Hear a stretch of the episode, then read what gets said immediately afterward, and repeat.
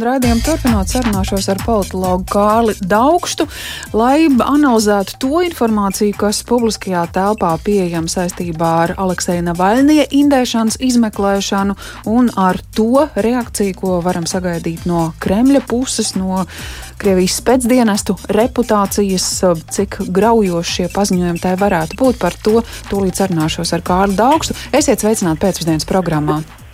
Jā, labdien! Nu, skatoties medūza publiskotos rakstus, viņi saka, ka iespējams nu, tas ir sekmīgākais par izjokošanu, laikam to nevar saukt, bet uh, cauri iznesta Krievus pēcdienestu operatīvais darbinieks nu, neapšaubām ir, ja reiz sarunā ar Alekseju Navaļniju viņš telefons sarunā gan vairāk kārt pārvaicājot, vai ir droši šis savienojums, tik un tā ņem un izstāsta visu, kas darīts, lai noindētu Alekseju Navaļniju.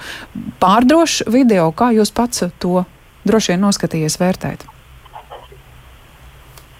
Pēc manām domām, ka pat labam Kremlī valda milzīgs apjukums un tiek meklēts druģaini, tiek meklētas kaut kādas reālas atbildes uz notikušo, jo tas diskreditē vispār spēcdienestu darbību kā tādu Krievijas uh, apstākļos.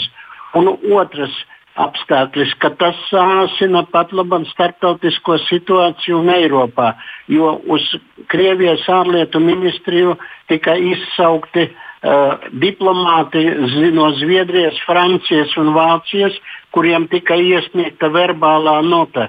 Un šī verbālā nota ar uh, sankciju sarakstu pret uh, šīm valstīm no Krievijas puses. Es domāju, ka tai pašā laikā uh, Krievijā ir ļoti liela neapmierinātība valdošās aprindās ar to sociālo tīklu, kur brāžas joku, joki par zilajām apakšbiksēm, kas Jā. diskreditē faktiski spēc dienestas. Taču man liekas, ka tomēr ir vēl viens apstākļis, ka zem Kremļa tepiņa notiek tāda kā buldogu cīņa, kuru mēs neredzam pēc Čerčila izteicieniem.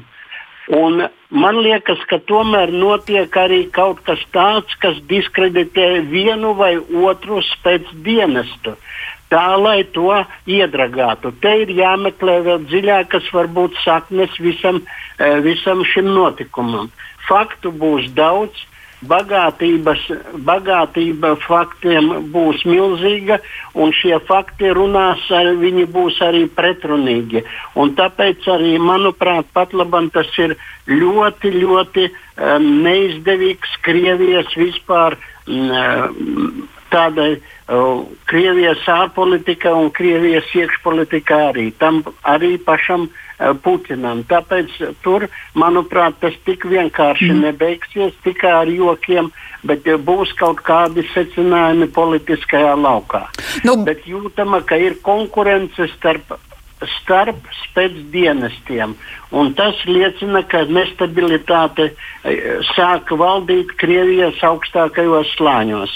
Nu, vismaz vārdiski Kremlis aizvien vēl cenšas turēties pie savas versijas. Aleksējs Navaļnīs nav nekāds opozicionārs, te, kā viņi saka, cilvēks, kurš sirgst ar personības lielumu māniju. Un, nu, vismaz šajos paziņojumos vairāk tiek runāts, ka, kas zina, viņš vairāk ir ASV spēcdienestu saistības persona ne tik daudz Eiropas.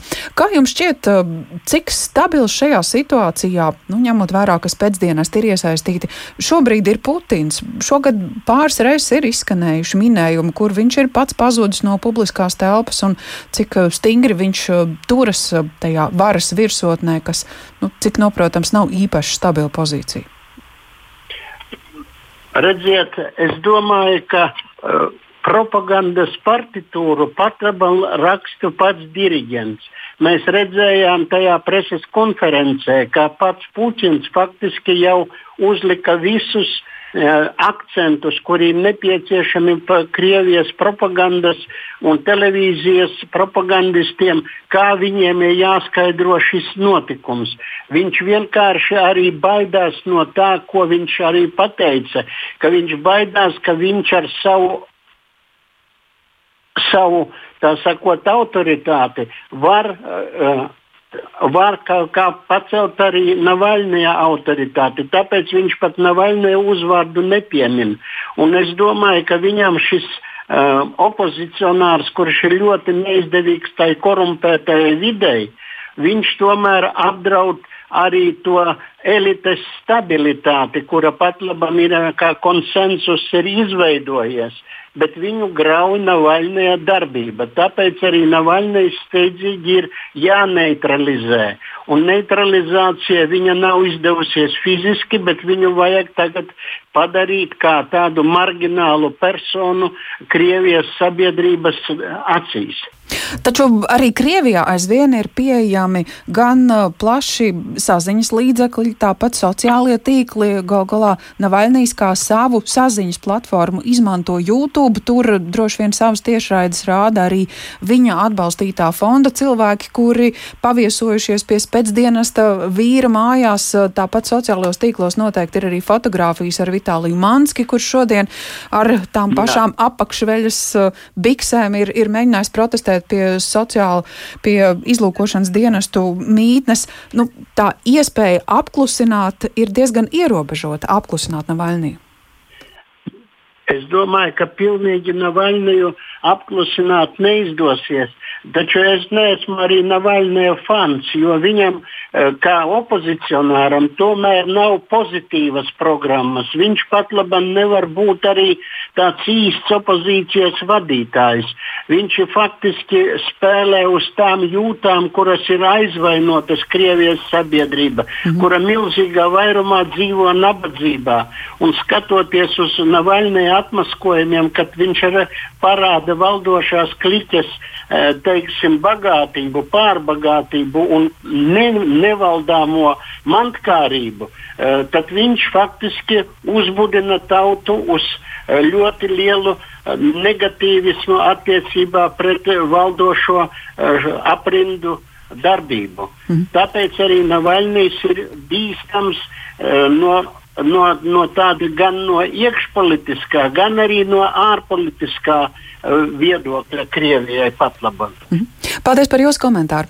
Patloks Kārlis Daugs pie pēcpusdienas programmas tālruņa sarunājoties un mēģinot izprast, kāda reakcija pēc Alekseja Navaļnija publicētā video ar atklājumiem, kas saistīti ar viņa indēšanas mēģinājumiem, kā tas ietekmē Kremli un kā dzirdējām arī ārpolitiski Eiropas Savienībā, Eiropas valstīs atbalsts tam būs.